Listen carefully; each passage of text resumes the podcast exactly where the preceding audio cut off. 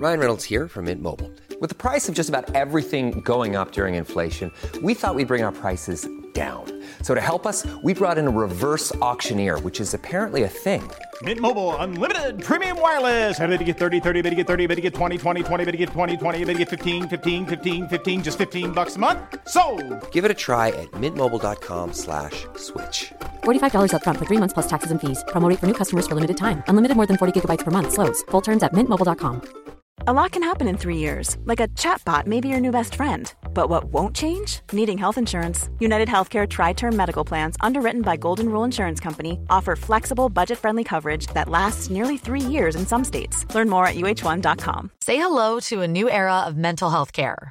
Cerebral is here to help you achieve your mental wellness goals with professional therapy and medication management support. 100% online. You'll experience the all new Cerebral Way, an innovative approach to mental wellness designed around you. You'll get a personalized treatment plan from a therapist, prescriber, or both in a safe and judgment free space. Your cerebral therapist or prescriber will outline a customized plan with clear milestones along the way so you can get to feeling your best. With Cerebral, you're not alone in your mental health journey. We're here to empower you to live a fulfilling life. So take that first step towards a brighter future and sign up today at cerebral.com slash podcast and use code ACAST to get 15% off your first month. Offer only valid on monthly plans. Other exclusions may apply. Offer ends July 31st, 2024. See site for details.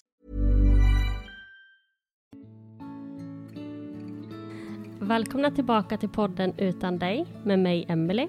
Och mig, Alexandra.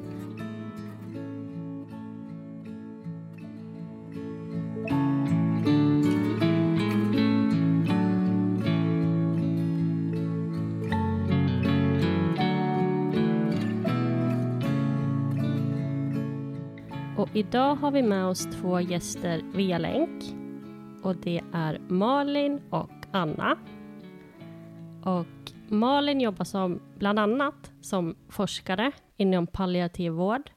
Och Anna jobbar som kurator där hon ofta träffar familjer som har allvarlig sjukdom. Välkomna! Tack. Tack så mycket. Det känns eh, jätteroligt att ni vill vara med. Att ni tar er tid att spela in det här avsnittet med oss. Ja, det känns jättefint att få vara här och prata med er. Det ska bli jättespännande tycker vi. Vi har efterfrågat lite frågor eh, som våra följare och lyssnare har fått skickat in. Men vi tänkte börja med att ni två var och en ska få berätta lite om vad ni gör i era yrkesroller. Mm. Jag heter då Malin Lövgren och Eh, jag är forskare och finns på Ersta Sköndal Bräcke högskola. Jag finns även på Astrid Lindgrens barnsjukhus på barnhemsjukvården eh, där jag jobbar som forsknings och vårdutvecklingsledare. Och eh, min forskning, jag disputerade 2009, jag är sjuksköterska från början. Och min forskning berör då barnfamiljer som är drabbade av svår sjukdom. Så det kan ju antingen vara när man är förälder och har ett barn som är sjukt, eller också vara förälder själv och vara sjuk. Ehm, och även då förlustdrabbade barnfamiljer.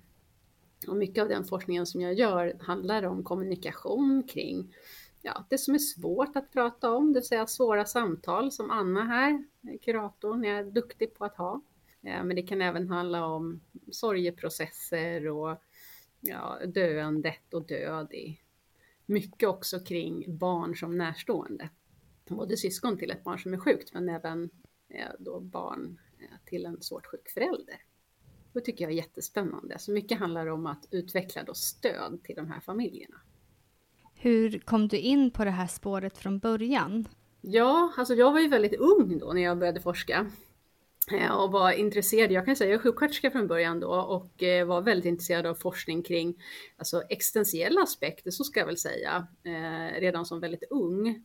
Och tittade då från början på patienter som var väldigt sjuka, svårt sjuka, som vuxna patienter. Och sen så utvecklades det, så nu har det ju gått, jag satt och räknade häromdagen, jag har forskat sedan 2004 om svår sjukdom det har blivit så helt enkelt. Så jag tror att det är något intresse som jag har haft.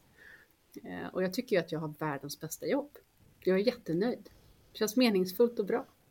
Ett väldigt viktigt jobb. Ja, det också.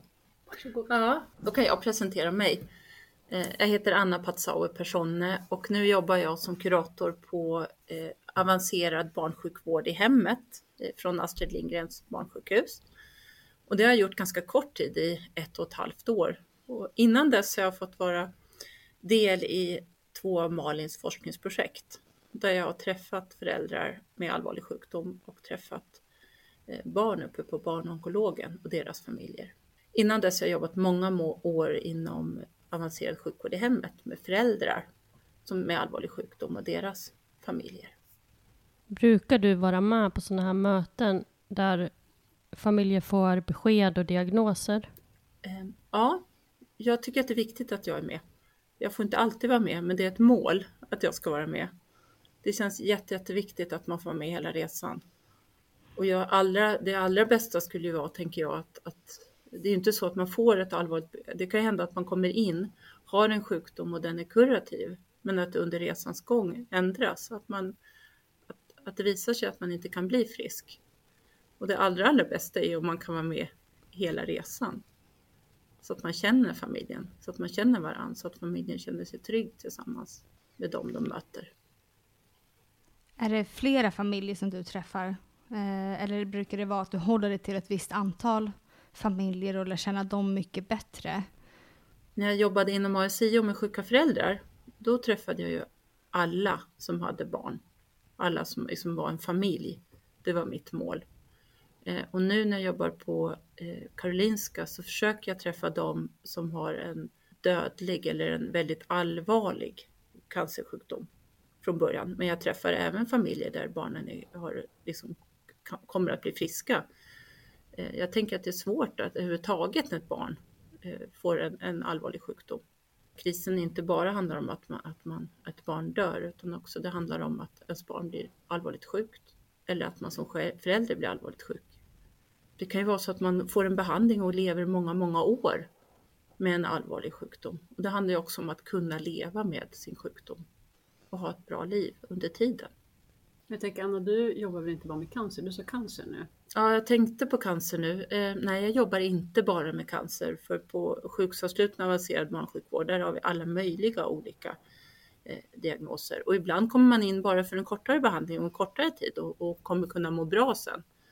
Och några kommer in under tiden man har behandlingar eller under tiden man behöver något visst stöd. Det är, ju, det är ju så väldigt olika hur det ser ut. Och några stannar en längre tid och kanske de som har en dödlig diagnos. Och såklart annat än bara cancer, självklart. Mm. Jag tänker just de här som du träffar via jobbet, för SABH va? Mm. Ja, så Träffar du de familjerna på sjukhuset eller ses ni hemma mm. hos familjerna? Alltså, det är ju så fantastiskt att man jobbar på SAB och så får jag åka hem. Och jag tänker att det är, sån, det är så väldigt, väldigt bra att kunna göra det. Så att, så att jag, kan, jag kan träffa familjer både på sjukhuset och hemma. Mm. Jag tänker att jag försöker anpassa mig så mycket jag kan utifrån hur, hur familjens situation ser ut och, och vad familjen behöver. Eh, de här familjerna, nu frågar jag egentligen mest utifrån mina egna funderingar, jag har ju själv varit ansluten till SABH. Ja. Eh, så jag tänker att de här familjerna som, som du träffar, har de träffat någon annan kurator också? För jag tänker som i vårt fall så har ju vi haft kontakt med kuratorn på Lilla Erstagården där vi behandlades. Och sen så var ju vi hemma emellanåt mm. och hade SABH hemma. Mm. Brukar ni samarbeta då kuratorer eller har du liksom, träffar de bara dig då eller? Vi samarbetar vi samarbetar. Men det, är också, det har inte funnits kurator så lång tid på SAB och det är ganska nytt. Då när det handlade om dig tror jag inte att det fanns någon kurator på SAB. Nej, det kanske Nej. gjorde. Det här var ju 2018. Ja, det, så då det fanns det inte det, utan jag, det var när jag började jobba, det ungefär ett och ett halvt år sedan. Då okay. blev en kurator anställd på SAB. Mm. Men vi, jag samarbetar med kuratorerna på Lilla Erstagården. Mm. Och sen ibland är det ju så att man, man tycker att det är skönt att träffa mig, fortsätta träffa mig och då åker jag ut till Lilla Erstagården eller åker hem. Eller annars tycker man det är skönt att träffa Lilla Erstagårdens kuratorer och då ser man till att det funkar. Vi hjälps åt. Mm. Ja, men jättebra. Det är ju helt fantastiskt liksom att det finns och just den här möjligheten att få kunna få avancerad barnsjukvård i hemmet är ju alltså det är ovärderligt. Mm. Men skulle ni vilja berätta mer om de jobb som ni har gjort tillsammans? Ja, men det kan vi göra. De forskningsprojekt eh, tänker ni ja. på? Ja. Men Anna och en av Annas kollegor som heter Åsa Högman som är diakon eh, Eh, här på sjukhuskyrkan, de jobbade med en metod eh, som heter The Family Talk eller Beardsleys familjeintervention. Och de jobbade med den inom palliativ vård för vuxna då mot barnfamiljer. Och då ville de att den här metoden skulle vetenskapligt utvärderas. Så då kontaktade de då vår forskargrupp på Ersta och eh, sa att ja, men vi har en metod som vi tror är bra. Kan inte ni kika på den? Och eh, då gjorde vi det och skrev en ansökan och fick beviljade forskningsmedel för att göra en pilotstudie inom då ASIH var det först. Sen fick vi även medel från Barncancerfonden så vi gjorde en pilotstudie inom barncancervården också. De forskningsprojekten, eller FTI som vi kallar det, The Family Talk, det målet med den interventionen det är att öppna upp för samtal inom familjen om det som kan vara svårt att samtala om. Och då är det just det som ni kanske har lite funderingar på kring hur pratar man om död med barn eh, eller om prognos eller vad som ska hända i framtiden eller någonting som man tycker är lite jobbigt eller kämpigt då och samtala om. Det kan ju vara någon konflikt eller något helt annat som inte har med framtiden att göra också såklart, som ligger långt tillbaka i tiden men som man liksom behöver lösa då. Men även att den här interventionen syftar till att liksom för, stödja föräldrarna i att orka vara föräldrar till sina barn. Eh, och även sätta då barnens behov lite på bordet. Vad är det barnen behöver? Och då är det ju också då det sjuka barnet eller, och det, det friska, om det finns fler barn då mm. i familjen, eller bara friska barn om det är så att det är en sjuk förälder. Och då har Anna Eh, bland annat då tillsammans med andra då, jobbat som den här kuratorn som har gett den här interventionen eller lett den här interventionen eh, eller stödprogrammet eh, och eh, samtalat med familjerna som vi har rekryterat till studien. Och det har varit helt fantastiskt. Vi har fått väldigt bra resultat i våra pilotstudier väldigt, väldigt positiva resultat. Så vi är väldigt nöjda med det. Så därför kör vi ju nu eh, fullstora Eh, studier, både i RSIH, i cancervården och inom pediatriken, alltså på Astrid Lindgrens barnsjukhus. Eh, då alla, alla möjliga sjukdomar, så det är inte bara barncancer utan nu är det barn drabbade av svår sjukdom. Och det känns väldigt fantastiskt. Så då har då Anna utbildat alla kuratorer på ALB på Astrid Lindgren, på tema cancer då när, när förälder har, har eh, cancer och sen så håller hon på inom ASIH Eh, palliativ vård för vuxna då i Stockholmsområdet, alla enheter är med. Så det känns som ett sånt där superfantastiskt, jättekul projekt när forskning inte bara är någon liksom skrivbordsprodukt utan kan komma verkligen familjerna till gagn. Då. Mm. Så att, eh, ja, men det känns, eh, ja, det är jätteroligt eh, på det sättet att kunna implementera i, i klinisk praktik. Mm. Och det ni egentligen då levererar, eller hur man ska kalla det, det är egentligen en metod eller som ett slags program som ni vill att folk ska få alltså stödprata om? Ja, Ann, du kan berätta lite om stödprogrammet. Mm. Jag, jag, kan berätta lite bakom bara, för det är rätt så kul. Jag har jobbat länge med inom då ASIH, avancerad sjukvård i hemmet, där det är en förälder som är allvarligt sjuk. Och jag jobbade ganska många år och jag tyckte att det var svårt att få, få bra samtal med barnen. För det kunde bli så att jag åkte hem, en förälder är allvarligt sjuk, säger snälla prata med mina barn. Och så plötsligt satt jag med några barn som jag inte kände. De kände inte mig och jag kände mig jätteobekväm. Eller jag, efter dödet, jag satt med barn där den, den enda föräldern de hade hade dött. Eller med, alltså barnen ville prata, de kände att de hade ett behov, men jag kände att de blev så himla utlämnade. Så jag, jag tänkte nej, jag ska inte prata om några barn ensamma, utan då ska föräldrarna vara med eller någon annan viktig vara med. Och jag prövade att ha grupper. Det hade en grupp där jag träffade, jag träffade alla, alltså bjöd in alla barn till de olika eh, eh familjerna jag hade inom ASI och så fick den friska föräldern komma och så fick de träffa en, en, ha samtal tillsammans och så hade jag barnen för sig och så försökte vi sätta ihop grupperna så de pratade med varandra och vi gjorde hemuppgifter till den sjuka föräldern. Ja, men, men jag tyckte aldrig det blev riktigt bra.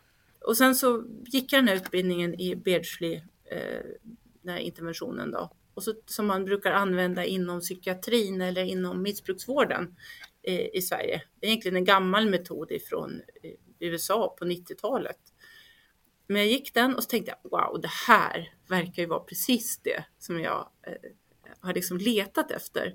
Eh, och så prövade jag den och så kändes det bara, ja men det här känns jätte, jättebra. Och grejen med den är att jag blir inte så viktig som kurator, utan det, jag, det som är viktigt med mig är att jag har metoden med mig och hjälper barnen och föräldrarna och syskonen att prata med varandra.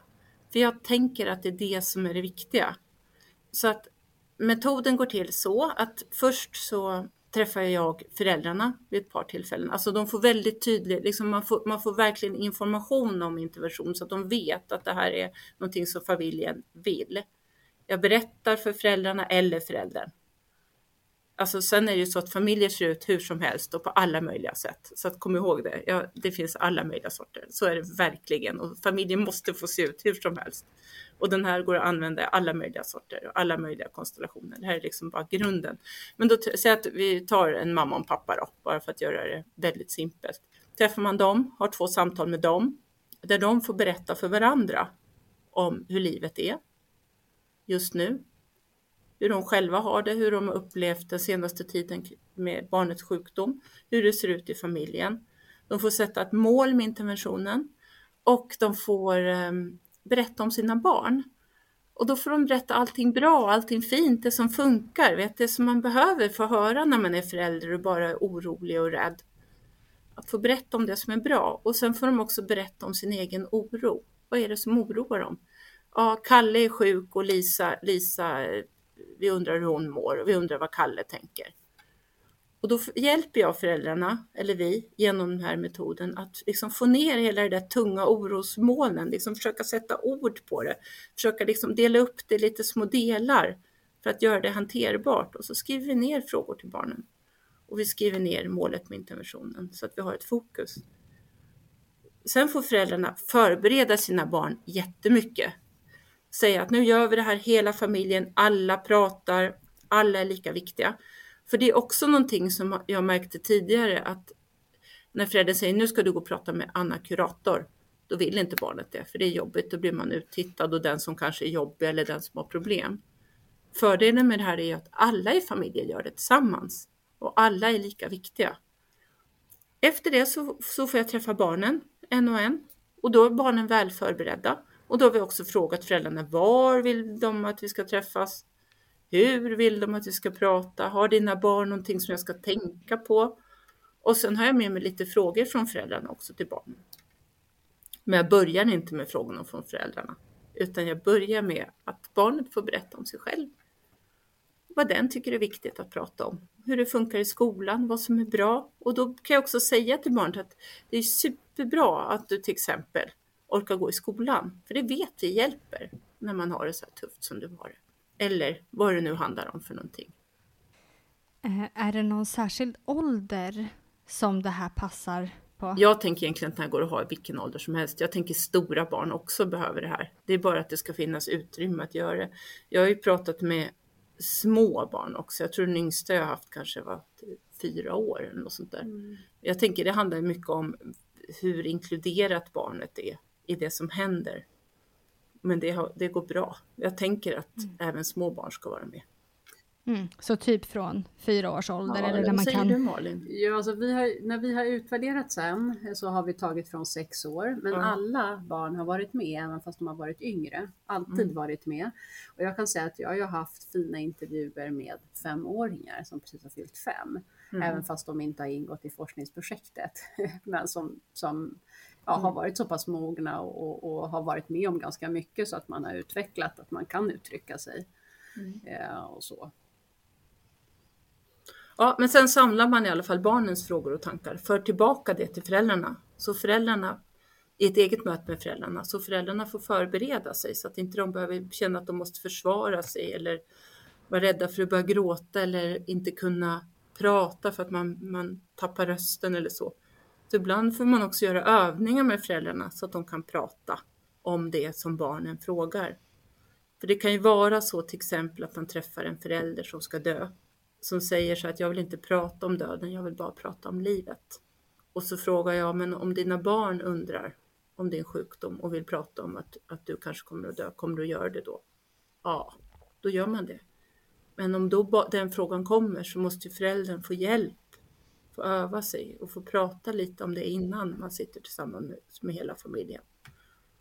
Och sen har vi ett familjemöte där man pratar om, om det som har kommit fram och varit viktigt. Det som föräldrarna vill att vi ska lyfta, det som barnen vill att vi ska lyfta. Och så försöker man att prata om det. Och försöka hitta en... Jag tycker att jag blir mer och mer konkret. Jag blir mer och mer tydlig ju mer jag jobbar. Och att man liksom, jag vill göra någonting med pappa. Okej, okay. vad vill du göra med pappa? Jag vill gå och gunga med pappa. Okej, okay. när ska ni gå och gunga? Vi går och gunga på torsdag mellan tre och fyra. Bra, då bestämmer vi det. Alltså så. Därför att när man är så här i kris, då orkar man inte. Det är det som är så svårt. Man orkar inte ta de där besluten, men har man gjort en plan och lyssnat på barnen så är det lättare att göra den ansträngningen fast man egentligen inte orkar. Och sen gör vi en plan tillsammans med familjen om hur de ska liksom fortsätta att, att prata i familjen, vad som funkar för barnen. Eh, och sen har vi en uppföljning efter ett tag. Så ser det ut. Ganska enkelt, en manualbaserad metod, men eh, superfina samtal och vi har fått jättefina resultat. Att familjerna känner sig uppfångade. Ja, men det låter verkligen som att man lär sig att liksom prata med varandra mm. och lyssna på varandra. Ja. Ja. Mm. Och det är så kul som kurator att inte vara så himla viktigt. Alltså förstår ni? Man får en annan roll. Det är jag kommer med min kunskap, men familjen kommer med sin kunskap. Vi är liksom två expertiser som möts på jämlik, liksom helt jämnt. Och det, det är också fint att jobba på det sättet. Annars blir det, det blir inte bra annars. Jag funderar lite på, jobbar ni någonting med uppföljning efter att den här familjemedlemmen har dött? Ja, tänker du forskningsmässigt eller i klinik? Ja, egentligen lite både och. Ja. Eh, forskningsmässigt när vi kör den här metoden så spelar det ju ingen, det spelar ingen roll, och det är ju helt hemskt, men det spelar ingen roll om det är så att barnet eller föräldern dör, utan den, den fortgår. Eh, den blir ju lite annorlunda såklart, men man kan ju inte släppa du kan ju inte släppa bara rakt av då. Eh, och vi gör ju samma uppföljning i forskningen med liksom enkäter och intervjuer och så, så det har inte haft någon betydelse på det sättet. Eh, men du kan ju svara mer i klinik hur ni gör. Jag kan ju bara svara för hur jag gör. Jag tror att det är väldigt olika och det är inte, det är inte riktigt tydligt faktiskt hur mycket, arbete, alltså hur mycket vi får fortsätta jobba med, med familjerna. Men jag tänker att stödet efteråt är fruktansvärt viktigt. Så att mm. på ett eller annat sätt. Men man ser ju det liksom att Sverige har ju inte något, eh, vad ska man säga, strukturerat eh, efterlevande stöd eller liksom sorg, sorgstöd för sorg. Ehm, så, så att det är ju någonting som man behöver titta på, tänker jag, på en nationell nivå och se över hur vill vi stödja familjer eh, som är förlustdrabbade på olika sätt. Och där har vi ju ganska lång väg att vandra. Och då tänker jag inte bara mm. liksom sjukhus och sådär, utan jag tänker i, liksom, i, i samhället hur vi, hur vi ska göra med både barn och vuxna. Och jag tänker att ni är ju en plattform, tänker jag, att synliggöra också eh, sorg och förluster som är jätteviktig liksom, i debatten, att ta plats mm. eh, när man har mist. Så det känns som ett väldigt viktigt inslag. Mm. Och vi märker att ja, i princip alla som vi träffar brukar ju ändå ha önskemål om att ja, men efterstödet hade varit mer mm. befintligt. Mm. Och det är ju, all forskning liksom pekar på det, men samhället har inte kommit lika långt som forskningen. Eh, alltså forskningen är väldigt tydlig man ser vad, vad människor behöver. Eh, men vi har inte än lyckats utveckla de stödmodeller kanske, eller vi har inte lyckats finansiera det stödet i samhället, eller organiserat det stödet som krävs för de olika familjemedlemmarna. Eh, tyvärr. Och tittar man internationellt så ser det ju väldigt olika ut i olika länder. Och också det här med, jag tänker bara på det här med sjukskrivning när föräldrar förlorar sitt barn och så här, det här med sjukskrivningsperioder och vem man ska gå till och hela den debatten liksom. Mm. Så jag menar, mm. det, det, är lång väg att vandra. Ja, men också mm. skolorna. Ja, Information ja, ja. och kunskap till skolor och förskolor.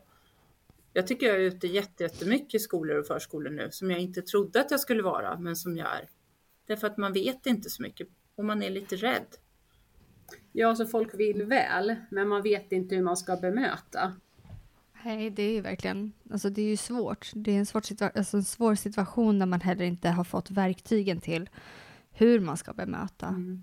Ja men precis och det är därför man behöver någon slags, liksom, det låter lite töntigt, men lite utbildning också för att vara människa. liksom att, att också vara människa, inte någon liksom sjukvårdsaktör eller någonting sådär, men att vara en medmänniska. Och därför måste man ju också få upp döden på agendan så att det blir ett naturligt inslag i vårt liv. Att döden är ja, en naturlig del av livet så att säga och inte bara att man säger utan att det verkligen är det. Och då är det ju på liksom alla olika samhällsnivåer. För nu är den ju liksom lite undanskuffad. Mm. Exakt. Men jag tror också att om man börjar prata under, om man nu har tid under sjukdom och om man har ett språk och om det är möjligt att på något sätt kommunicera så är det kanske, har man ändå lärt sig lite grann att sortera vad känslorna är för någonting och kanske kunna börja sätta ord på eller på något sätt kommunicera med varandra så att det kan vara lite lättare efter död också. Jag tänker i de familjen där man har börjat prata som jag jobbar med nu, de, de har ändå lättare att fortsätta prata efter död. Det märker jag skillnad på. Jag tänker det är ju liksom vårt uppdrag och jag tänker alltså vårdgivarens ja. uppdrag att vi måste initiera det samtalet och då måste ju det samtalet ske tidigt, alltså vid diagnos. Alltså det här är en ja. dödlig sjukdom. Du måste kunna säga dödlig sjukdom eller liksom man kan dö av den här sjukdomen om du inte får behandling eller du får behandling men vi har ingen botande behandling. Alltså du måste, du måste verbalisera det här. Och det, det vet vi ju att så är fallet. Har du gjort det, det är klart att det är liksom lättare med tiden. Men då måste ju folk göra det. Ja. och ta emot det, den reaktionen man får också ifrån eh, familjen. Just det, för det tänker jag just på det här som du nämner, just ordet död är ju så laddat. Ja. Um, att så här, som vi fick till oss, jag hade ju, när min dotter dog så hade ju hon en storebror som var nästan två. Och då fick jag rådet att så här, säg tydligt till honom att Sally är död. Inte att Sally har gått bort eller att Sally har lämnat oss, eller, utan att, att hon är död. Mm. Och liksom ta det ordet då, som du säger i munnen mer och uttryck det så att han får höra det. Eh, och det har ju blivit lättare nu när, när vi pratar med varandra till exempel så säger vi död på ett helt annat sätt än vad man gjorde i början. För i början kändes det ju hemskt att bara säga ordet död, för det var så laddat, medan nu är det ju inte lika laddat att använda det ordet. Ja, för nu har ni gjort det så många gånger också, ni har övat. Ja. Nej men absolut, och jag menar till barn är det jätteviktigt. Man kan inte prata om att gå bort. Jag menar, då tror de att de är, de är i vardagsrummet eller att det är liksom med hos mormor eller någonting. Gå bort och ska komma igen och så vidare. Eh, eller vad man nu säger. Jag menar, det, det, vet vi ju att det är ju viktigt att vi använder sådana här ord. Så det är ju fantastiskt att du fick den, liksom, det är bra vägledning. Även fast när man är två år kanske man inte förstår vad det betyder. Men, men då har du ändå använt ord som, mm. ja. som är okej. Okay. Ja, men det finns ju med när han växer. Och när du pratar Exakt. om lilla syster sen så finns det med. Han är med i berättelsen. För jag tänker det här har ju du berättat för honom flera gånger. Det som mm. hände. Precis. Ja. Mm. Och det hade vi liksom också nytta av, eller vad man kan säga, när min mormor dog. Mm. Hon dog en månad senare, efter Sally precis då. Och jag tror att det var där som han kanske mer fick, alltså fick förståelse för det, för att min mormor hade ju funnits med i hans liv mycket längre än vad Sally gjorde. Och det blev så tydligt att hon inte var med längre, för att Sally bodde ju inte riktigt hemma med oss, utan vi bodde på sjukhus. Och då var det mer att, ja men är Mommi då, som vi kallar henne, är, är Mommi död? Och liksom, ja, det var mycket död också från hans sida, att han kunde ändå få grepp om ordet på något sätt liksom. Mm. Och att då förstod han också att Sally var död, för det var ju samma ord liksom, ja, mm. på något sätt. Mm. Men det är ju väldigt intressant tycker jag, för nu sa du något väldigt intressant. Jag tror att han fick, eh, eh, liksom, han fick hum om, eller han liksom ungefär förstod vad det handlade om. Eh, och jag tänker att små barn kan förstå, men de kan inte verbalisera det. Och det där måste vi eh, tänka på en del, för att vi har ju använt mycket sån här eh, åldersgraderad utvecklingsmodell, liksom när man har ja, i en viss ålder så förstår man inte att döden är för evigt och så vidare. Så kommer man till en viss ålder och då förstår man. Jag menar, det där är ju inte riktigt, det är en del av forskningen. En annan del av forskningen säger ju att ålder är inte den enda liksom, förklaringsmodellen utan det är så mycket annat. Eh, och den har lite stått i vägen tycker jag för att vi pratar med små barn. Att vi liksom har skyllt på att de, de fattar i alla fall inte så att det är så som ingen idé att vi, att vi pratar med dem. Men nu vet vi att det är värt att prata med dem. Mm. Mm. Ja. Läsa böcker. Jag tänker de här små som är typ i din lilla pojkes ålder eller lite äldre som läser någon barnbok om döden och sen kan relatera när syskonet dör. Därför att man har fått en kunskap. Och jag tänker också våga lyssna. Jag tänker så här som förälder, så här, verkligen Mm. våga lyssna på barnets signaler. Eh, det, som kan komma när som helst. eh, och liksom fånga upp och, och våga fråga vidare. Man behöver inte säga så mycket själv. Utan, jaha, vad tänker du då? Jaha, vad spännande. Eller liksom att man, att man är där. Och vad tror du om det? Vad händer då? Att man är där och guidar så att det inte blir någon slags eh, bara jobbig grej som ingen vill prata om och att man liksom blir bemött av tystnad. För det är ju inte det att vi ska liksom som förälder eller professionella sitta inne med vad händer efter någon dör eller någonting sånt där, utan man vill ju öppna upp för, för samtal och reflektion med ett barn. Mm. Men det där var väl ett väldigt bra tips, tänker jag, till mormor, morfar, farmor, farfar och vänner som undrar hur man ska göra till syskonet som finns kvar när syskonet är dött. För jag tänker att som förälder är man ganska väck.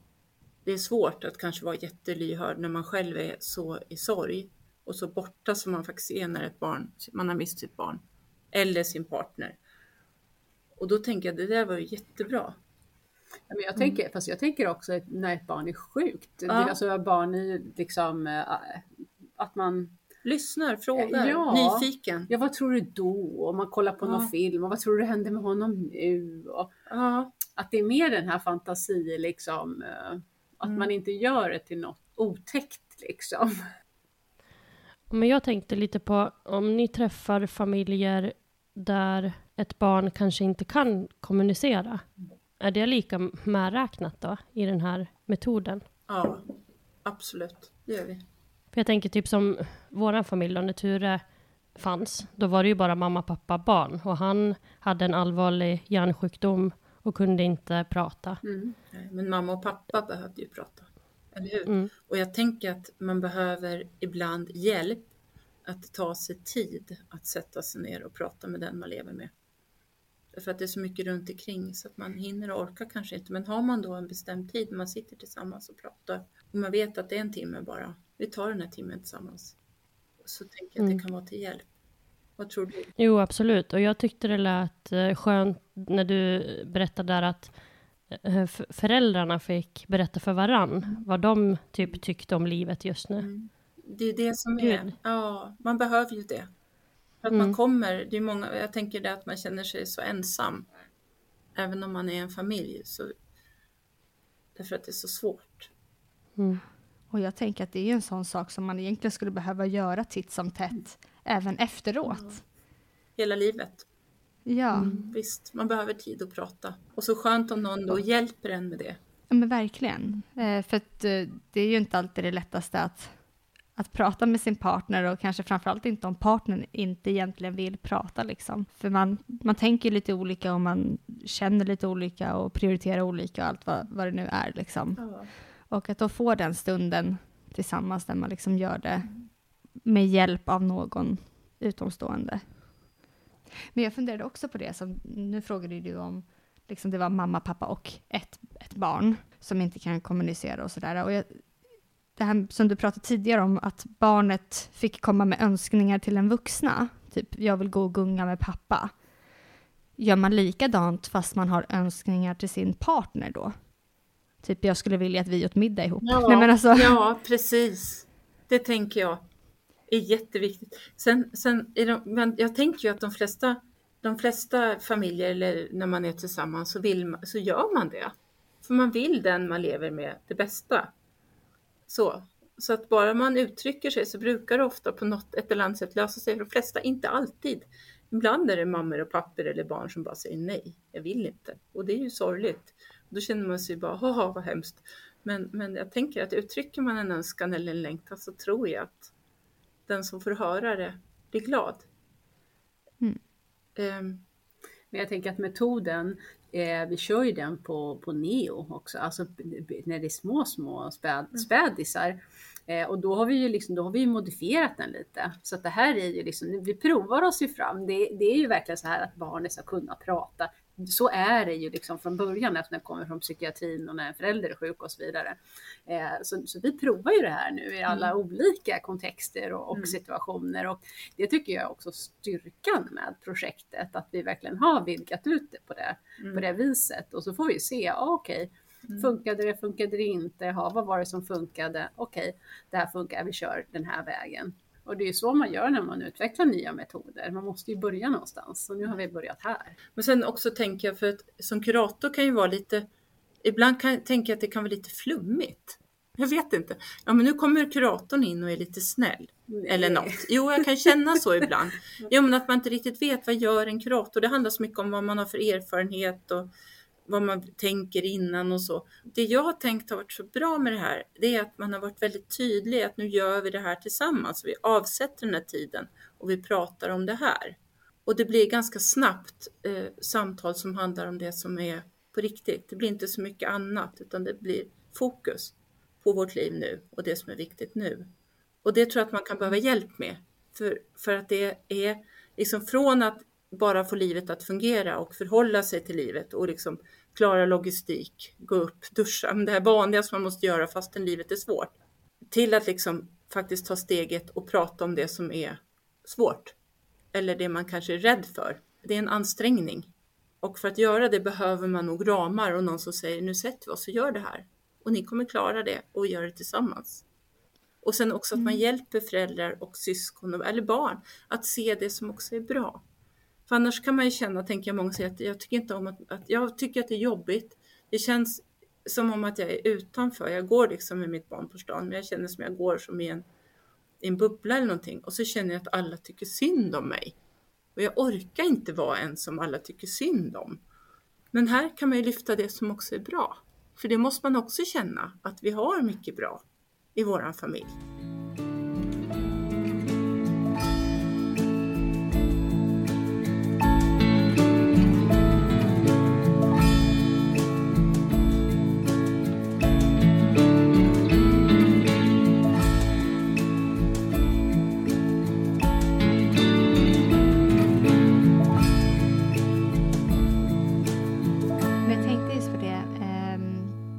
Som kurator liksom med familjer där det är någon som är allvarligt sjuk. Efter att den här personen har dött, hur länge är du med i den bilden? Ja, jag skulle helst vilja vara med livstid. Nej, men eh, det beror lite på faktiskt. Men jag tänker att, att jag stannar eh, så länge som jag behövs. Så är det. Mm. Men det finns inga riktiga tydliga riktlinjer. Men jag tänker att sorg är ingenting som...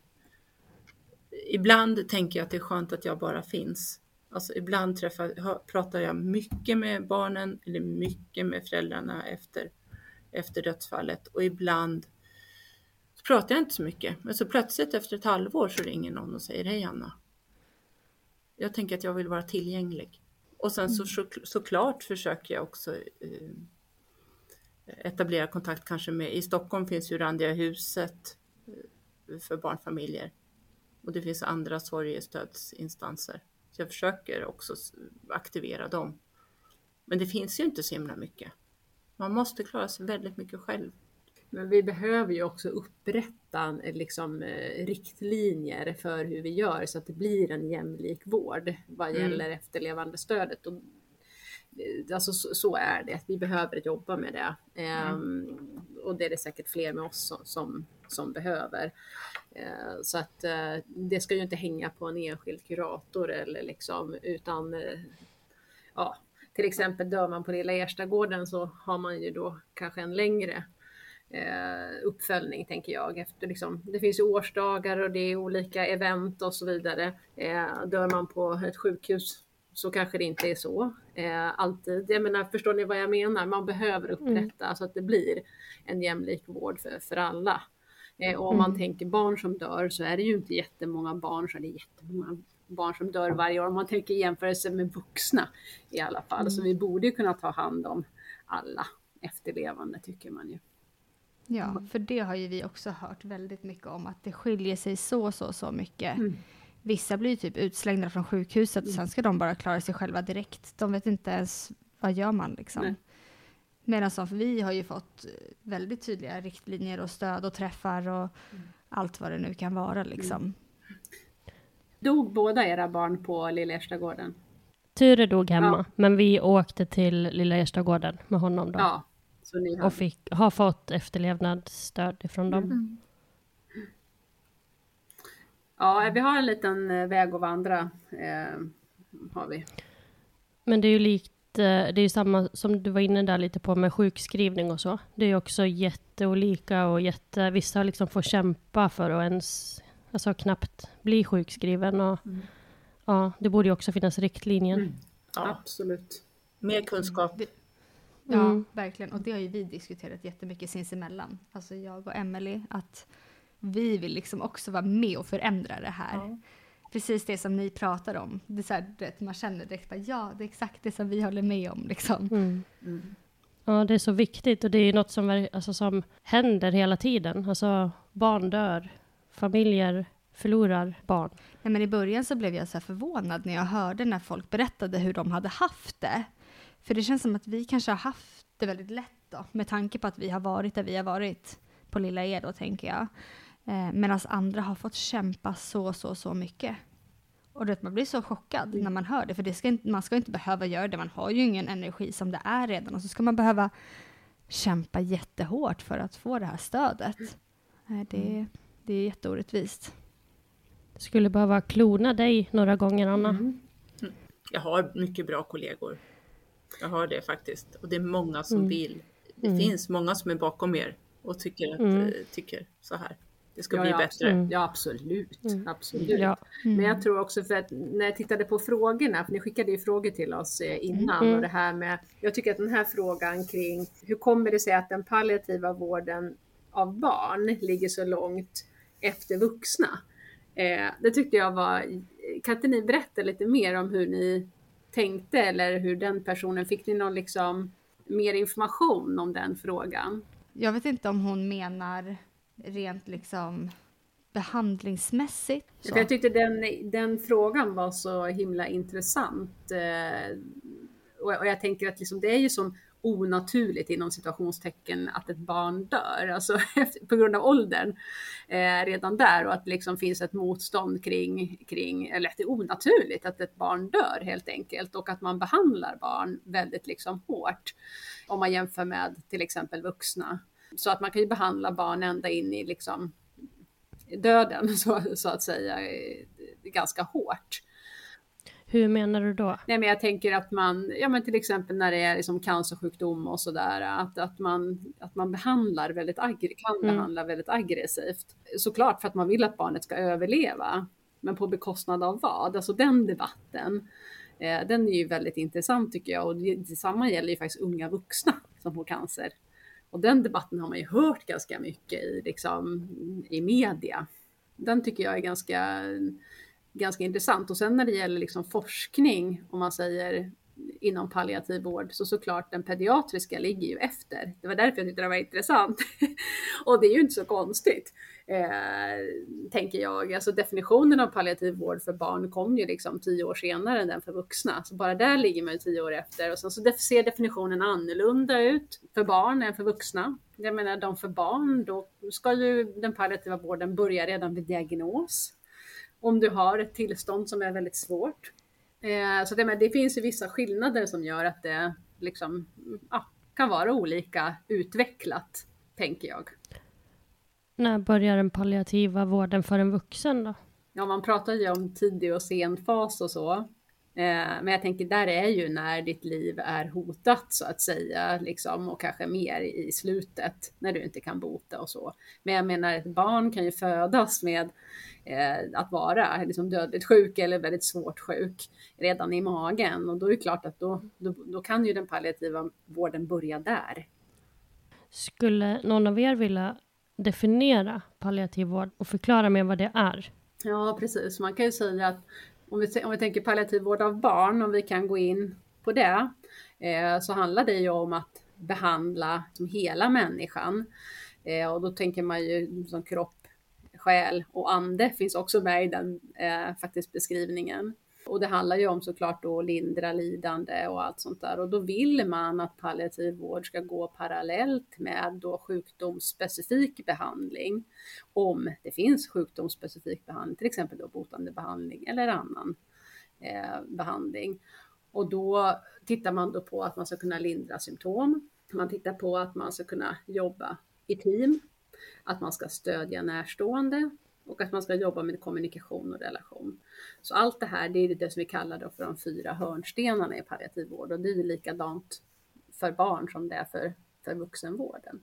Så det är del mer liksom ett, ett helhetstänk kring det och då är det ju så att då är det ju ett inslag av döden eh, på något sätt som måste vara eh, närvarande för att vi ska kunna säga att det är palliativ vård. Då. Men då kan det ju vara som i ditt fall med krabbe så att det liksom inte finns någon botande behandling eller det kan vara att det är ett multi, eh, liksom något, något tillstånd som är nedsatt, liksom funktionsnedsatt, eh, som gör att barnet kanske inte kommer ha ett jättelångt liv utan ett, ett liksom begränsad tid då. Som till exempel vid syrebrist eller, eller annat då. Ja, och det som jag har förstått också av andra är att när man hör ordet palliativ vård så tänker man att barnet är väldigt nära att dö. Och så behöver det väl inte alltid vara? Nej, det där tycker jag är jättebra att du tar upp, därför att det skiljer sig lite mellan vuxna och barn. Eh, jag tänker att, att vi pratar mer om livets slut, klart vi pratar om livets slut hos barn också, men eftersom definitionen enligt Världshälsoorganisationen, äh, Världshälsoorganisationen ser lite olika ut för vuxna och barn, och att den verkligen poängterar att när det gäller för barn så börjar den när diagnosen är fastställd och att vi tjänar på att ha palliativ vård samtidigt som sjukdomsspecifik behandling. Eh, sen kan man även ha det såklart när det gäller vuxna, men där är det verkligen liksom eh, så, så står det och då måste vi ju verka för det. Så att, och det är väl också då att palliativ vård skulle vi då behöva mer integrera på sjukhus, alltså akutsjukvård och, och så för att kunna gå liksom parallellt. För att också liksom, eh, ta bort missuppfattningen om att palliativ vård sker bara på Lilla Erstagården eller på SABH eller liksom eh, sådär, utan palliativ vård, det ska, det ska ske eh, överallt för att det ska bli så bra som möjligt för just den här då patientgruppen med, med svår sjukdom. Sen finns det ju tidig och sen fas. Ska vi hoppa vidare med en till fråga som vi fick in här av våra lyssnare och följare? Och då är det en person som undrar om ni två tror på liv efter döden? Du börjar svara. Ja, ska jag börja säga? Jag tycker att det där är en jättesvår fråga. Jag tycker att det är spännande när jag pratar med människor och jag tänker att om, om den människan jag pratar med tänker och pratar om livet efter döden på ett eller annat sätt så är jag gärna med på de tankarna och i den, i den liksom funderingarna och frågar och är intresserad. För jag tänker att det finns någonting som är större än det som jag vet om. Någonting, jag är bara en, en kropp, en människa. Så det tänker jag att någonting finns. Men eh, vad det är vet jag inte. Så jag är väldigt nyfiken och intresserad. Jag tycker om att prata med mina familjer och mina barn och om det som är mer än det vi vet. Och det är också ett, ett, ett vad ska man säga, det är också ett hopp. Mm. Mm. Ja, men jag, nu svarar jag på en helt privat då. Det här är ju faktiskt en privat eller vad man ska säga. Mm. Eh, nej, men jag tror absolut att det finns. Jag är som helt övertygad att det finns någonting mer än liksom det här synliga och så. Eh, och det har jag haft. Jag har ju vuxit upp i en familj där man är så här absolut inte är religiös eh, och är väldigt så när man dör och vet, det händer ingenting och så och jag tidigt eh, liksom trodde på någonting och så och, och, bad faktiskt till Gud som liten. Du vet, alltså, det är väldigt intressant. Liksom. Jag har haft det med mig hela livet och det är inte så att jag, jag går inte i kyrkan. Jag har inte liksom, tillhör inte någon, någon församling eller någonting sånt där och tror nog inte på Gud, Gud så. Men jag tror absolut på någonting eh, och jag, det är en eh, ganska stor trygghet för mig. Eh, jag tänker nog på det nästan varje dag. Eh, och jag tänker att man blir liksom konfronterad med död och, och, och annat. Eh, och för mig är det ganska mycket värt att känna sig trygg i det. Så att eh, så är det för mig. nu tar jag en fråga som jag bara kom på själv. Men jag tänker så här, hur är det för er att jobba och mötas av så mycket död som ni ju faktiskt ändå gör i ert jobb? Tittar du på mig? Ja, men Anna och jag möter ju på helt olika Ja, sätt. Anna ja. möter ju varje dag. eh, Så. Jag möter ju i perioder. Jag blir ju konfronterad när jag sitter och skriver eller analyserar eller får, får en enkät framför mig så får man en liten berättelse till exempel och sådär. Som kan sitta i väldigt länge och sådär. Men, men jag får ju inte det på mig hela tiden live. Däremot eh, så kan det också vara jobbigt. Eh, därför att du kan ju inte göra någonting. Du är ju totalt maktlös när du sitter med, du vet inte ens kanske vem enkäten kommer ifrån, eller du kan få ett mejl eller någonting sånt där med en berättelse som är otroligt jobbig. Det har varit gånger som jag har tyckt det var svårt, men det kompenseras av att jag tycker att det är så meningsfullt. Eh, så att det stör mig inte alls. Jag, vad ska jag säga, jag tänker att jag, en del av mig är, är väldigt påverkad. Jag tänker att en del av mig är kanske mer sorgsen och mer, kanske allvarsam. Eller eh, kanske mer skör än vad den skulle ha varit om jag inte hade jobbat med det här. Men jag vill jobba med det här så länge jag orkar. För att jag känner att det är meningsfullt och jag känner att jag också har blivit modigare ju längre jag har jobbat. Och ju modigare det har blivit, desto bättre möten tycker jag att det blir. Och kanske kan jag också vara lite mer till hjälp då. Jag är inte, jag är inte lika rädd längre. Och det känner jag är en kraft. Och så tänker jag att jag kanske också kan, som nu utbildar jag, kanske att jag kan få dela med mig av det som jag har, den kraften eller den kunskapen och erfarenheten jag har med mig. För att det ska bli bättre. Jag har en erfarenhet som ni, fast jag miste inte mitt barn, jag miste min man när jag var väldigt ung. Och jag tyckte inte att jag fick någon hjälp. Eller jag fick hjälp lite, men jag fick inte den hjälpen vi hade behövt. Så jag tänker ofta på det, att det måste bli bättre. Så det är kanske min drivkraft, precis som er. Att har jag, nu har jag med mig någonting, en kunskap, och vad ska jag göra med den här kunskapen och erfarenheten? Om jag inte gör någonting av den så blir hela då min mans död fullkomligt meningslös. Men nu kanske det kan bli bättre för någon, eller bättre för några barn. Så tänker jag. Men, men känner du som jag, att man har vissa som, som jag kan nästan känna, alltså om jag tänker på det så känner jag nästan mötet. Eh, och då för min del så handlar det ju mycket om intervjuer som jag har haft med folk. Eh, då kan det vara barn men också vuxna, framförallt barn måste jag säga, som har liksom gett ett väldigt stort avtryck. Eh, som är häftigt att man liksom får uppleva. Jag menar, vem får göra det? Man tänker, det är en ynnest liksom att få lyssna eh, och våga vara där. Men en del människor har ju större avtryck än andra, så är det ju och det bär man ju med sig. Ja, Så måste du också känna att man... Ja. ja. gör det. De bär jag med mig. Ja. Och det är ju helt utifrån ens egna erfarenheter och dagsform och allting, tänker jag. Mm. Har ni något tips på vad man borde förbereda sig på inför döden eller själva dödsögonblicket? För det är också lite skillnad, tycker jag, om det är Mm. inför döden eller dödsögonblicket. Jag tror att det är bra att man pratar om det innan. Eh, det tänker jag många familjer som jag träffar nu som har varit med, eller eh, när till exempel ett barn har dött, så berättar de efteråt att jag visste ju att mitt barn skulle dö, men jag förstod inte att det skulle dö när det dog. Cool fact a crocodile can't stick out its tongue. Also, you can get health insurance for a month or just under a year in some states. United Healthcare short term insurance plans, underwritten by Golden Rule Insurance Company, offer flexible, budget friendly coverage for you. Learn more at uh1.com. Hey, I'm Ryan Reynolds. Recently, I asked Mint Mobile's legal team if big wireless companies are allowed to raise prices due to inflation. They said yes. And then when I asked if raising prices technically violates those onerous two year contracts, they said, What the f are you talking about, you insane Hollywood ass? So to recap, we're cutting the price of Mint Unlimited from $30 a month to just $15 a month. Give it a try at mintmobile.com slash switch. $45 upfront for three months plus taxes and fees. Promo rate for new customers for limited time. Unlimited more than 40 gigabytes per month. Slows. Full terms at mintmobile.com. Därför att man har aldrig varit med om det. Man vet inte hur det låter eller hur det ser ut eller hur det kan vara. Och jag tänker att vi som kanske har erfarenheten, att vi måste berätta mer, ge mer kunskap och förklara. Så att det inte blir så läskigt om någon andas konstigt eller blir kall eller så. Det måste man kunna prata med sina barn om också. Eller syskon, att så här kan det bli. Så tänker jag. Man kan prata om döden, läsa, berätta och sen också förklara att så här kan det bli. Men man pratar ju om så här, äh, intellektuell, in, liksom att man har förstått det rent intellektuellt. Mm. Eh, for, liksom så, mm. att till exempel ens barn ska dö. Men, mm. men eh, att förstå det känslomässigt, alltså det är... Alltså det, Då är man med. ja, men jag tänker att den förberedelsen kanske inte liksom eh, är så man kan träna upp den, utan mm. den intellektuella kan ju vara med, precis som Anna sa, mm. med liksom, vad händer med kroppen och, och Ja, men att liksom... man berättar om andning och så, men sen vid själva dödsögonblicket kan man ju vara med, det berättar ju barn.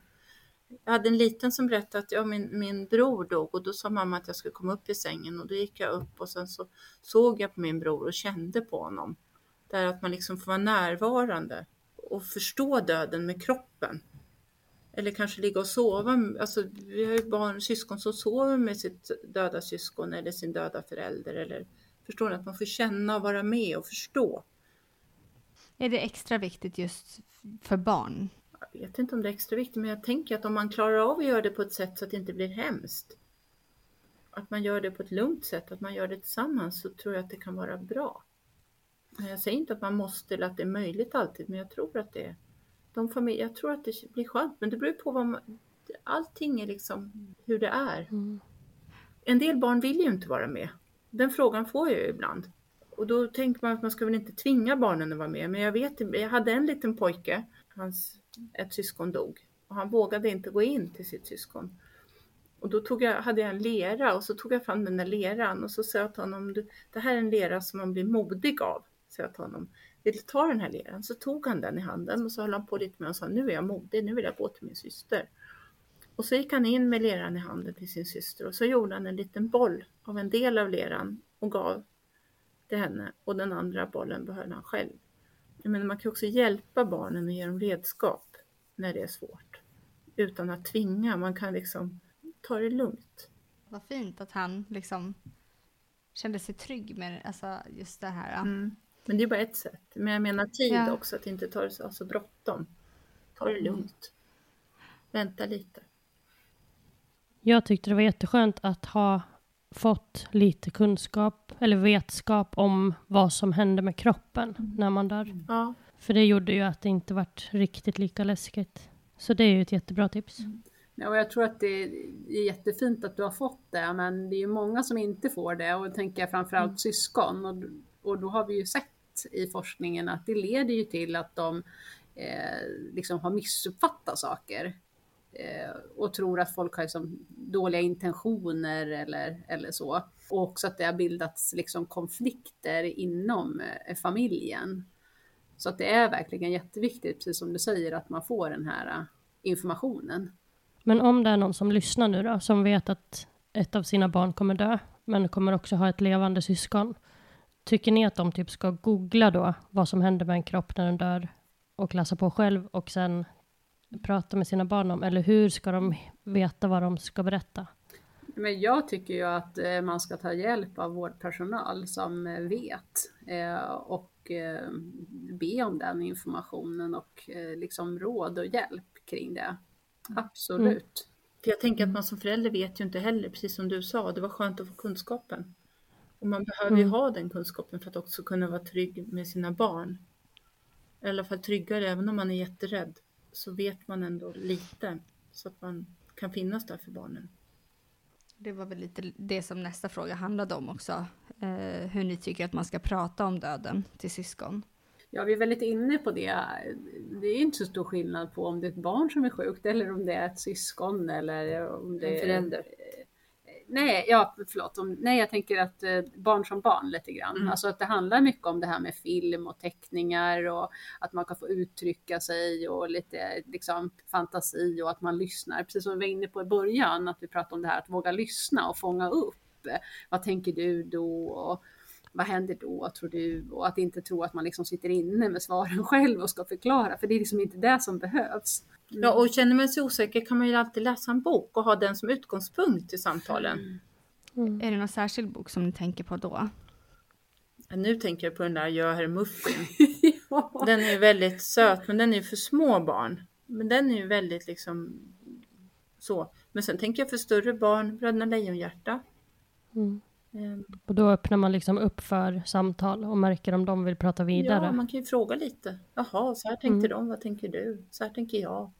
Hur kan man tänka där? ibland tänker barn så här eller ibland kan man göra så. så man kan att allt är okej okay. och också tänker att man inte bara att man pratar om döden utan att man säger att det är okej okay att prata och känna och tycka. Att liksom det är okej okay här. Det är ett rum för att, att få vara den man är.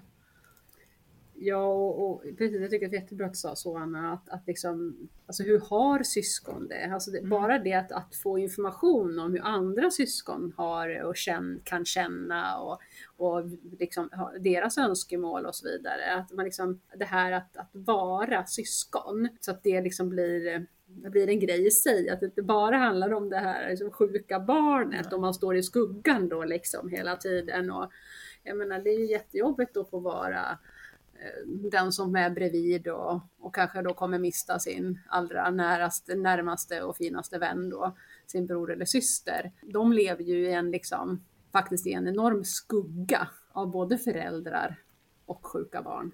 Mm. Ja, det brukar jag ofta säga till syskon. Hör, jag träffar ju andra syskon och ibland brukar de tycka att det är skitjobbigt det här. Hur är det för dig? Ja, det är jättejobbigt. Jag orkar inte längre. Jag har kämpat på. Jag har åkt till fotbollsträningen själv fast pappa alltid brukade skjutsa mig förut. Nu måste jag åka själv när jag åkt ett år själv dit. Och aldrig är det någon som mm. frågar hur det går på matcherna och jag tycker det är jättetråkigt att sova ensam.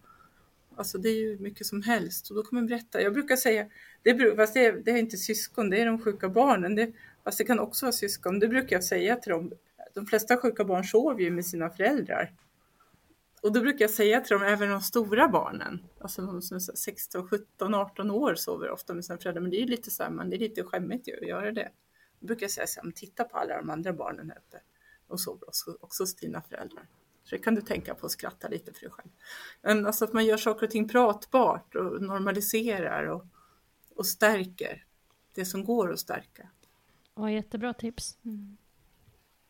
Ja, vi har ju fått också lite frågor som är lite liknande, så jag sätter ihop dem lite. Och det är att det handlar om hur man ska hantera besvikelser när andra inte fortsätter att prata eller fråga hur man mår eller ja, men kommer ihåg att prata om sitt döda barn. Vi var inne lite på det förut, ehm, det här med att döden måste få, eller liksom förlust och sorg, död, att det måste få ta plats i samhället på något sätt. Eh, och att jag tror att Eh, människor som inte har förlorat, att de blir väldigt obekväma och vet inte hur de ska göra och att det handlar om okunskap och, och allt sånt här. Och jag tror att man behöver tänka på det, för att annars så tror jag att man att det blir väldigt jobbigt. Ehm, men sen så tror jag också att folk tror att de är schyssta genom att inte ta upp det. Ungefär som att en förlustdrabbad person skulle ha glömt att barnet hade dött. Alltså, förstår ni? Att, liksom, mm. att man tänker att ja, men hon kanske inte tänker på det här nu, så nu vill jag inte, liksom, hon verkar så glad nu, så nu, nu, verkar jag, nu ska jag liksom inte eh, ta upp det. Att jag tror att det kan, kan verkligen vara så. Så jag har egentligen ingen liksom, bra eh, åtgärd mer än att jag tycker att samhället behöver öppna upp liksom, och hjälpa varje person att vara en, en människa, att, liksom, en, en medmänniska. Och om man orkar, alltså det beror på om man orkar så kan man ju säga det. Jag vill prata eller jag vill inte prata om det här. Eller idag vill jag gå ut och träffa er, bara och ha det kul. Jag orkar inte vara ledsen hela tiden. Eller på lördag skulle Maja fyllt sju år. Då skulle jag vilja att ni kommer hem och äter tårta med mig och att vi pratar om Maja. Man kanske måste bli tydlig, men det är mycket begärt. För ja. jag vet att man orkar inte det när man är så här ledsen. Man blir också, när man är så där förtvivlad och ledsen som man är, då blir, kan man ju bli väldigt sträng också. Att man inte orkar med att folk gör misstag. Att man liksom rensar bort hälften av sina vänner och sådär. Bara för att man pallar inte. Fast det kanske, inte, kanske är också så att det inte längre ger någonting. Nej, och då, kan, ja, och då kanske men, då kanske det får vara så också. Ja, jag tänker det. Men faktiskt. det är hemskt om man gör sig av med alla, för då ja, blir man ju ja. ensam. Så, ja, ja.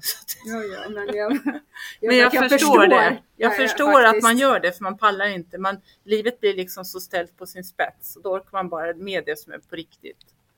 Jag hade någon familj som sa så här att vi orkar inte med, vi har, vi har börjat rensa så här att de som frågar om vi ska hjälpa till, som skriver sms och säger så här, ni vet att vi finns här, vill ni ha hjälp med något? De tar vi bort. För vi orkar inte säga vad vi vill ha hjälp med, men de som kommer och hänger bröd eller lagar middag eller kommer hem till oss, som bara kommer, de är välkomna. Så att det är kanske det som är tips om det är någon som lyssnar nu, som är anhörig. Gå dit, var där.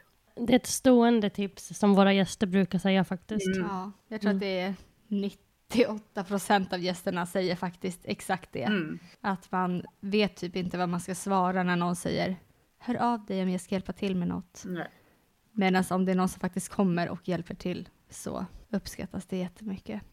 Men ett bra tips är väl där också att man är tydlig, att man faktiskt ja, men vill prata. Och det kan ju såklart variera, men om man orkar liksom, att man är tydlig att jag vill att mitt barn ska räknas med så ofta det bara går och, och så vidare. Mm. För då vet ju folk det och Mm. ja, det kanske är mindre risk för missförstånd. Och det som är viktigt då är ju att de personerna också lägger det på minnet. Ja, men Emily vill prata om Ture och då ska jag ju faktiskt göra det också. Och länge. Man vill göra det hela livet, alltid. Mm. Ja, Mm. Det är inte bara ett år. Nej. exakt. Mm. Vi har fått en fråga eh, inskickad till oss om varför det inte erbjuds kurs i sista hjälpen för anhöriga som vårdar i, när, alltså vårdar i nära relation i livets slut. Jag, jag tycker verkligen att det skulle vara bra att det fanns. Ehm, det finns, vet när, när det föds barn så finns det ju doler ibland som är med eh, som stöd vid förlossningen. Nu vet jag också att det finns några som eh, finns med som dödsdolor i död. Men jag tänker egentligen att det skulle vara så att man skulle få alla som har en anhörig som ska dö, om det så är partnern eller om det är ens barn eller vem det nu är, att man ska få hjälp, kunskap. Det är egentligen så självklart. Eh, Jag måste säga att jag vet inte vad jag tycker om det där med dödsdoler. Nej, jag är inte så Eh, förtjust i nej, det heller. det känns lite Nej. konstigt. Jag tycker att det handlar om att en, en bra vårdplanering. Vad Mm. finns det för risker? Vad kan hända med mitt barn? Eh, vad behöver jag kunna? Vilka egenvårdsstrategier här behöver jag liksom? Vad behöver jag kunna för att kunna ta hand om mitt barn här hemma eller vårda mitt barn här hemma med hjälp av hemsjukvård till exempel? Mm. Alltså det ska ju sjukvården erbjuda. Jag menar, och kan du inte göra den egenvården hemma, då, då måste du ju ta hjälp och vara på ett sjukhus eller på ett hospice eller någonting sånt. Nej men jag måste, det, det tycker jag verkligen Nej men det är viktigt. Ja men det är viktigt, det är jätteviktigt. Men jag tänker så här att det handlar så mycket om trygghet. Du menar hos föräldrarna? Nej, ja, att om, får man kunskapen, får man informationen, känner man sig trygg var man än befinner sig på sjukhus, på ett hospice eller hemma med den liksom vård, den planerade vård man har. Ja men då måste vara Då, då, ja, och då har man ju den kunskap man behöver för att man ska kunna känna sig trygg. Det är när man inte har kunskap, när man inte förstår, som man blir rädd och då blir det inte bra. Därför att om man inte har varit med om död innan, då har man ingen erfarenhet. Man vet inte vad som komma skall och då är man rädd. Man är rädd för sina egna reaktioner, man är rädd för vad som ska hända med den som dör. Man är rädd för att det ska göra, ont eller bli för svårt eller att man själv kanske inte ska eh, klara det. Det finns så mycket och då måste man ha tillräckligt med kunskap om man behöver ha, känna sig trygg. Eller så trygg man nu kan och då kanske man behöver ha sin familj med sig eller vad man nu behöver runt omkring sig och man behöver ha kunskap. Det, jag tänker det handlar om kunskap hela tiden, precis som du säger, en bra vårdplanering, Ja, ja, en bra vård. En, en, och, och att man får det här, apropå det här du sa, kurs i hur är det när man dör. Och också någon som kanske säger, om man nu är den som ska leva vidare, att även om du inte tror det nu, så vet jag att, att du kommer kunna fortsätta leva. Jag vet att din kropp kommer fortsätta leva. För det vet man inte då. För när den, den man älskar dör så tror man att man själv dör. Och då är det så skönt att någon annan vet och tror och kan och som kan förmedla det till en. Så jag, så jag vet inte riktigt det här med sista hjälpen alltså, i sig. Alltså, det handlar ju om att kunna ge en god vård och ett mål, att ha ett mål med vården.